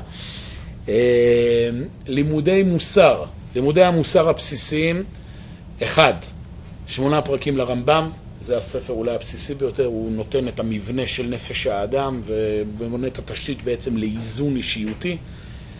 מסילת ישרים לרמח"ל, שנותן פה מסלול, כשמו כן הוא, מסילה, איך לאט לאט להגיע אל הקדושה. אורחות צדיקים, סליחה, אורחות צדיקים, חפץ חיים שמירת הלשון, תראו, רשמתי פה אורחות צדיקים, אפשר לרשום עוד מיליון ספרים, בסדר? אני רשמתי עוד פעם דברים שהם התקבלו בעם ישראל בדורות האחרונים כספרי אה, מוסר, אה, זה, אבל יש עוד כמובן אה, רבים. אה, אני, כמו שאמרתי, ספרי מוסר, אחרי שלומדים את הספרים הבסיסיים האלה, אני חושב שבאמת צריך בספרי מוסר לחפש דברים שהם, שוב, קשורים יותר לדור שלנו. למשל, נושא צניעות, זה אחד הנושאים אולי שהיותר היום באמת אנחנו מתמודדים איתם. אז כדאי לחפש ספרים ש, שנכתבו בדור שלנו על ידי אנשים, תלמידי חכמים, שהם קשורים למציאות התרבותית שאנחנו מתמודדים איתה. למשל הרב ישוע שפירא כתב ספר על השיב ממצולות, תשוב תחייני, כן, כל הנושא של התמודדות עם צניעות וטהרה. אז זה דוגמה, זאת אומרת, משתמשים, או הרב אליאדלר כתב ספר על תפילה, דברים שהם, שהם נגישים והם מדברים בשפה שיכולים לקחת את הרעיונות הפנימיים ולהפנים אותם אל העולם שלנו. כל אחד וכל אחד שיחפשו וימצאו את הספרים שמדברים אליהם והנושאים גם שהם רוצים לשים עליהם דגש, אבל גם זה, צריך ללמוד, למצוא את הזמן ביום, חצי שעה ביום, או עוד פעם, מי שנמצא בעולם ישיבתי, מי שלא אז פחות, למצוא את הזמן, גם לימודי מוסר. חייבים, תבינו, לימודי מוסר זה סוג של זריקת מוטיבציה של כל יום. לימודי מוסר צריך כל יום איזה טיפה להתעורר מזה, אחרת אדם נשחק. לימודי תנ"ך, שוב, בשיא הזריזות, אחד, דבר ראשון, אני ממליץ גם מי שנמצא במסגרת ישיבתית או מדרשה לעשות חצי שעה ביום, פרק תנ"ך ביום, שני פרקים ביום. שוב, זה, זה, זה, זה לא, לא בסדר שבחור ובחורה בגיל 18 ובטח בגילים יותר מבוגרים, אין מצב שהם עברו פעם אחת בחיים על כל התנ"ך. זה, זה, זה הנבואה, זה הדבר הבסיסי ביותר. פעם אחת בחיים לקרוא דברי הימים, פעם אחת בחיים לראות מה כתוב בישעיהו. איך לומדים תנ"ך? שוב, המלצה. דבר ראשון, סבב ראשון כדאי לעשות עם בקיאות. זאת אומרת, להבין את הפשט. איך מבינים את הפשט בתנ"ך? יש את רש"י. הבעיה שרש"י הוא עוזר בערך עד ישעיהו. זאת אומרת, ברגע שמתחילים לישעיהו, אז גם רש"י כבר לא כל כך עוזר, כי זה נהיה מסובך שם. יש גם מפרשים אה, פשוטים, רד"ק, אה, מצודות דוד, אה, מצודות ציון. אני ממליץ למשל על ספר שיכול לדעתי מאוד לעזור בפשט בסבב הראשון בתנ"ך, זה סדרה שנקראת דעת מקרא. זו סדרה שיצאה על ידי תלמידי חכמים וגם אנשי מחקר, כן, עם, עם הסכמה של גדולי ישראל. שלקחו את כל התנ"ך עם ביאור מאוד פשוט, עם גם הקדמה לכל פרק, מסדרים מבחינת תאריך, איפה הפרק הזה נאמר, ירמיהו, לפני איזה נבואה הוא אמר את זה, לפני איזה חורבן. מחלקים את הפרק בצורה מסודרת, אפילו לפעמים תמונות של להסביר כל מיני משלים של הנביאים, מדברים על כלים, מה הם מתכוונים. אדם, שוב, חצי שעה ביום, לומד שני פרקי תנ"ך, מגיע למצב שתוך שנתיים-שלוש סיים את התנ"ך. הלאה. שלב שני בתנ"ך זה כבר להעמיק בו. נכתבו כמובן אין סוף פירושים על תנ"ך, אז בוא נגיד הביאור הקלאסי או הנחשב הגדול ביותר על לימוד תנ"ך זה המלבים. מלבים כתב ביאור מאוד עמוק על התנ"ך, ארוך מאוד, זה עולם ומלואו. זה משהו שיכול להשיג את הבן אדם לכל החיים. אה, בוא נגיד, אמר לי פעם תמיד חכם חשוב, מי שפעם אחת בחיים עבר על כל התנ"ך עם מלבים, הוא יכול להחשיב את עצמו כתלמיד חכם באמונה. זאת אומרת, זה, הבן אדם עשה פה, עשה עבודה יפה. אז שוב, סבב בתנ"ך, בקיאות ואחרי זה מפרשים, זה גם חלק מהעניין. שימו לב, תורה, זה לגבי הנח, נביאים כתובים. לגבי התורה, פשוט מאוד, שבתות, זה הזמן. שבתות, אנחנו לומדים אה, באופן טבעי שניים מקרא אחד תרגום, וגם לומדים מפרשים. מה עושים? שוב, אני אתן לכם פה הצעה פרקטית לחלוטין, אתם לא חייבים לקבל אותה. איך, איך מגיעים למצב... את... אה, פשוט צריך למהר פה עכשיו לקראת סוף השיעור, אז אנחנו דוחסים, אבל תחשבו, זה לא כזה נורא. תכף אני אעשה לכם סדר של הכל, אתם תראו שהכל אפשרי, הכל אפשרי. אני אומר שבת, שימו לב, לשבת. אדם לוקח עצמו משימה. אני השנה, יש הרבה מפרשים על התורה. מה בדרך כלל קורה? בן אדם אומר, טוב, אני רוצה ללמוד רמב"ן על התורה, פותח את הרמב"ן, רק רואה את האורך, כבר אה, מתייאש. ובואו נעשה דבר כזה. אתם לוקחים לעצמכם משימה. בפרשת בראשית, עוד מעט שמחת תורה, מתחילים סבב חדש של התורה. אני לוקח לעצמי משימה ללמוד רמב"ן על התורה. אני מתחילה, או מתחיל, בשבת פרשת בראשית, חצי שעה בשבת. בין העליות בתורה, אני לא יודע, בערב וזה, לומדים חצי שעה רמב"ן, מספיקים שני פסוקים. שמים סימניה, סוגרים את הספר. שבת לאחר מכן, שבת נוח, שוב, לומדים איזה חצי שעה בין לבין שני פסוקים וזה, שמים סימניה, ממשיכים. לך לך וכולי. שנה הבאה, פותחים את הספר מהסימניה, וממשיכים עוד שני פסוקים. תוך סבב של חמש-שש שנים, סיימתם רמב"ן על התורה. אף אחד לא אומר לשום מקום.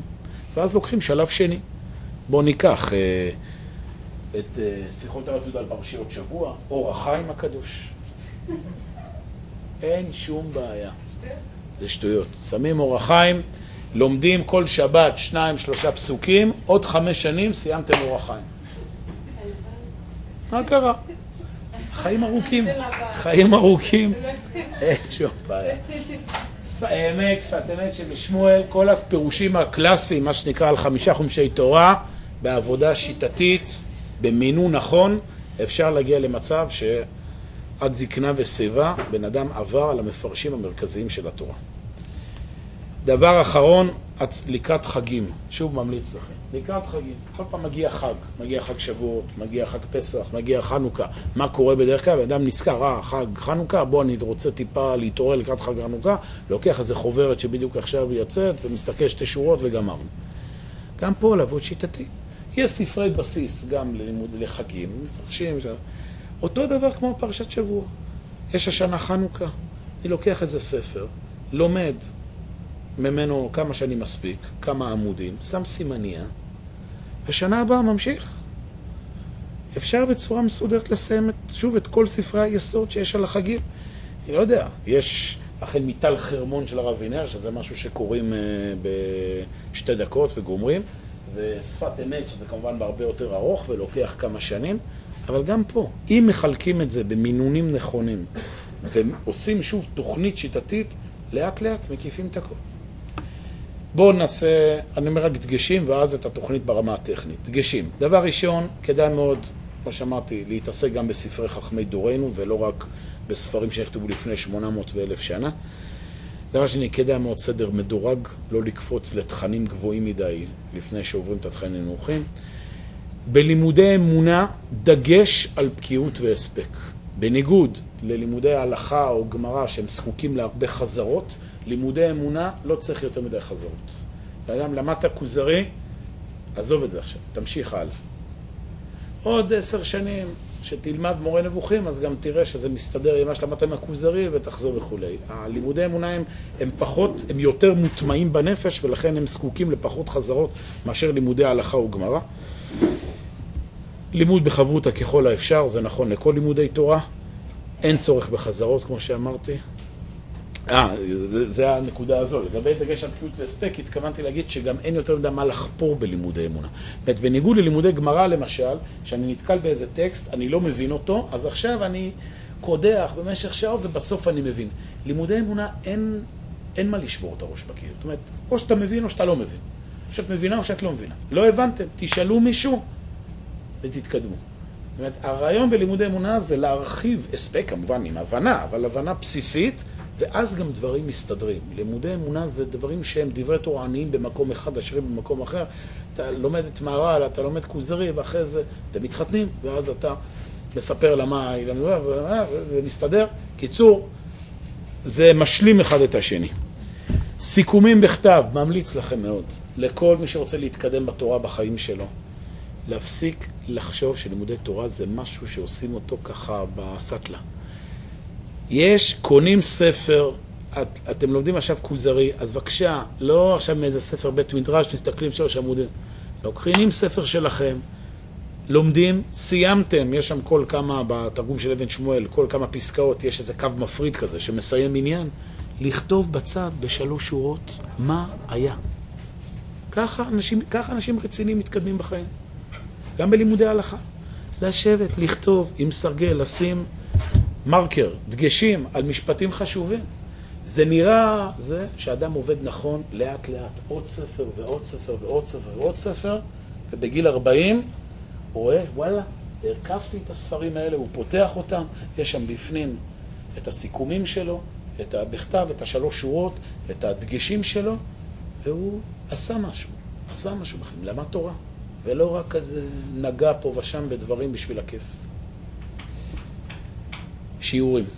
כדאי מאוד עם כל הלימוד העצמי, שזה עיקר הבנייה של בן אדם, גם למצוא את הזמן, פעם לשבוע, עוד פעם, מי שנמצא כמובן במסגרת לימודית של ישיבה ומדרשה זה יותר, אבל פעם בשבוע לשמוע שיעור, היום גם יש נגישות באינטרנט, באמת לכל שיעורים שרק רוצים. אדם זקוק גם כמובן להכוונה של רבנים ורבניות, ולא רק ל... ללמוד עצמאית. עכשיו, כמו שאמרתי, מבחינת הצד הטכני, עשינו תוכנית מעשית. בחורי ישיבה, שוב, או בנות מדרשה, זה הסדר יום, פחות או יותר. שלושה סדרי גמרא, שעתיים לימוד עצמי באמונה, שיעור יומי, בסדר? חצי שעה מוסר, חצי שעה תנ"ך, חצי שעה הלכה. שישי שבת, חזרות ולימוד פרשות שבוע מפרשים. זו התוכנית הבסיסית של בחור ישיבה. בת מדרשה, הכל אותו דבר, רק בלי הגמרא. יש לכם שלוש סדרים ל... ל... לעשות uh, קרחן. אז פשוט, אז מה עושים בדרך כלל ברוב היום באמת במדרשות? באמת משקיעים יותר זמן בלימודי האמונה. בסדר? לא שיעור יומי באמונה, אלא שש, שבעה, שישה, שבעה שיעורים ביום אמונה. כן.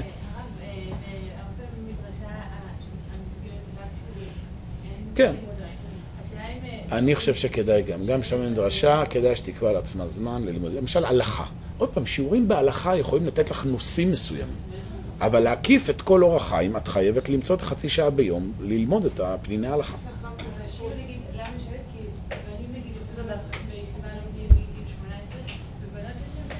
לכן אני אומר, אז, אז אני אומר, אני חושב שמדרשה צריך באמת להשקיע את עיקר הזמן בלימוד אמונה, אינטנסיבי, שנה של שיעורים ולקבל כיוון, אבל להתחיל לבנות תוכנית שתמשיך איתך גם אחרי המדרשה, של, הנה, וזו התוכנית לדעתי של אנשים שכבר נמצאים בחיים. עוד פעם, בנים, חצי שעה גמרא, אני אומר שוב על בנים, זה ניתן. חצי שעה גמרא, חצי שעה אמונה, בנות, אפשר להוריד חצי שעה גמרא, חצי שעה אמונה, אם כן היא נורא רוצה, אז שתלמד בבקשה. חצי שעה אמונה ביום אפשר, חצי שעה אמונה ביום. גם בן אדם שלומד ועובד, הוא יכול למצוא את החצי שעה ביום. עשר דקות הלכה, בן אדם מסיים תפילה, עשר דקות יושב ולומד הלכה כל יום עד סוף החיים שלו. וככה הוא מקיף את כל אורח חיים כמה פעמים בחיים שלו. ומי שלומד חצי שעה גמרא ביום, יכול בדף יומי להקיף את הש"ס כל, שבע פעמים בחיים שלו. הוא יכול לעשות את זה. עשר דקות מוסר לפני השינה. אדם לפני שהוא נרדם, דיברנו על זה כבר כמה פעמים. לפני, אומרים, לפני שאומרים קריאת שמע, עשר דקות יש ליד המיטה מסילת ישרים, יש אה, אורחות צדיקים, קוראים חמש-שש דקות, אומרים קריאת שמע, עושים חשבון נפש והולכים לישון, ככה יהודי אמור ללכת לישון. שיעור שבוי, גם בן אדם שעובד ונמצא בשטף החיים, שיעור שבוי. ובשישי שבת, תנ"ך, כמו שאמרנו, לומדים איזה פרק תנ"ך בשבוע, לא ביום, פלוס השני מפר... המפרש, השני פסוקים של המפרש. אין שום בעיה לעמוד בדבר הזה, בחלק השני. אמרתי, פה זה אמרנו תוכנית לאנשים שנמצאים שכל זמנם פנוי לזה. אדם שנמצא בשלף, תחשבו, זה לוקח שביום יהודי מקדיש, אנחנו מדברים פה חצי שעה, כאילו אנחנו מדברים פה על שעה במקרה, שעה ביום ללימוד תורה. עוד פעם, בנים, נגיד זה קצת יותר, בנות, אנחנו מדברים פה עכשיו על 50 דקות ביום, 45 דקות ביום ללימוד תורה.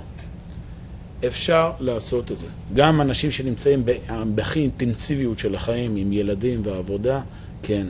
אז קמים, נדבר פה עכשיו על בנים, התפילה בשבע, קמים בשש, עושים מקלחת קרה, באים לבית כנסת, באים לבית כנסת, מתעטרים בטלית ותפילין ולומדים חצי שעה דף יומי. כן. ואחרי התפילה, חמש דקות לומדים הלכה. ובין מנחה למעריב מכניסים את החצי שעה לימוד אמונה, ולפני השנה חמש דקות מסילת ישרים. ככה יהודי. אז זה שאנשים בנו לעצמם את העולם הזה, שזה בלתי אפשרי, ומה פתאום, וברגע שסיימתי את הישיבה, וברגע שסיימתי את המדרשה, אני לא נוגע יותר בלימוד תורה, זה תירוצים מעניינים, אבל לא בטוח שזה יהיה, שזה יהיה קביל. יהודי עד סוף חייו צריך להקיף פחות או יותר, די לא את הכל, אבל פחות או יותר את הדברים שדיברנו. אורח חיים, הבנה בסיסית בש"ס, משנה, גמרא, הבנה בסיסית בלימודי אמונה ומחשבה, ספרי מוסר בסיסיים, ושוב, מי שזוכה וגם מגיע לשלב של לימודי תורת הסוד. השראה וטוב לו, אבל זה ודאי לא כולם. שאלות? כן, בזה נסיים. זה אני לא נכנס בשיעור הזה. בסדר, זה אני לא נכנס בשיעור הזה. אנחנו עכשיו, השיעור הזה מוקדש לא עכשיו לאיך לרצות את זה, ואם אני מאמין בזה, זה לא השאלה. עכשיו אמרנו, יש פה שיעור שעניינו עכשיו, איך אפשר להשתלט על הדבר הזה שנקרא תורה. מבחינה טכנית זה אפשרי, אני לא אמרתי זה קל, מבחינה טכנית זה אפשרי. כמו שבן אדם, ברור לו לחלוטין, שאם הוא רוצה לחיות חיים איכותיים, הוא צריך להקדיש זמן לאכילה, צריך להקדיש זמן לכושר, צריך להקדיש זמן לנוח, למנוחת צהריים, ואדם יהודי צריך להכניס את עצמו בראש, שחלק מהסדר יום שלו לכל החיים זה גם זמן של לימוד תורה.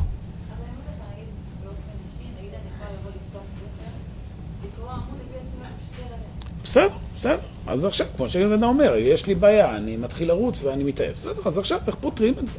את יכולה, את אומרת, לי אני לא חייב עוד חצי שעה רצוף, אני קובעת לי רק לא חצי שעה לימוד אמונה ביום, רבע שעה. בסדר, בסדר, זה כבר עכשיו כל אחד עם, ה... עם העולם שלו. אבל קודם כל אני הבנת מוצא שצריך כל אחד לקחת על עצמו אחריות שהוא צריך ללמוד תורה בחיים שלו.